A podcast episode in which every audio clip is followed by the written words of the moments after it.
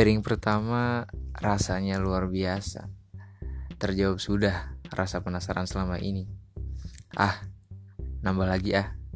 Duit masih ada. Sampai akhirnya tibalah piring kedua. Mulai kulahap dengan santai. Habis namun bukan karena penasaran. Karena rasa penasaran sudah terjawab di piring pertama. Ini hanya karena merasa kurang Sampai akhirnya kenyang mulai menyapa. Ingin kusudahi mulanya. Namun kawan menawarkan piring ketiga. Menolaknya, oh tidak tega. Ah, sampai terlihat meja mulai kepenuhan. Sehingga harus dibersihkan dulu baru bisa masuk yang ketiga. Saat ingin memulai, tangan terlebih dulu meraba perut. Hati berkata, rasanya sudah cukup tapi tak mungkin kudiamkan. Kasian, menghargai kawan. Gigitan pertama masih meyakinkan, namun yang ketiga, keempat, rasanya mulai malas sekali.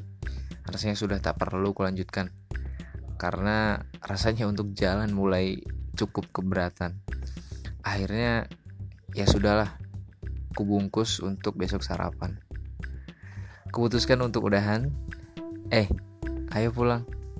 Saat berjalan keluar restoran, di, di pojoknya tertulis besar menu baru, iga bakar penyet. Langsung terbesit. Harus nabung, pekan depan kita makan di sini, kita makan iga. Dan ternyata pikiran barusan adalah pikiran yang pekan lalu terbesit pula saat aku berjalan keluar restoran.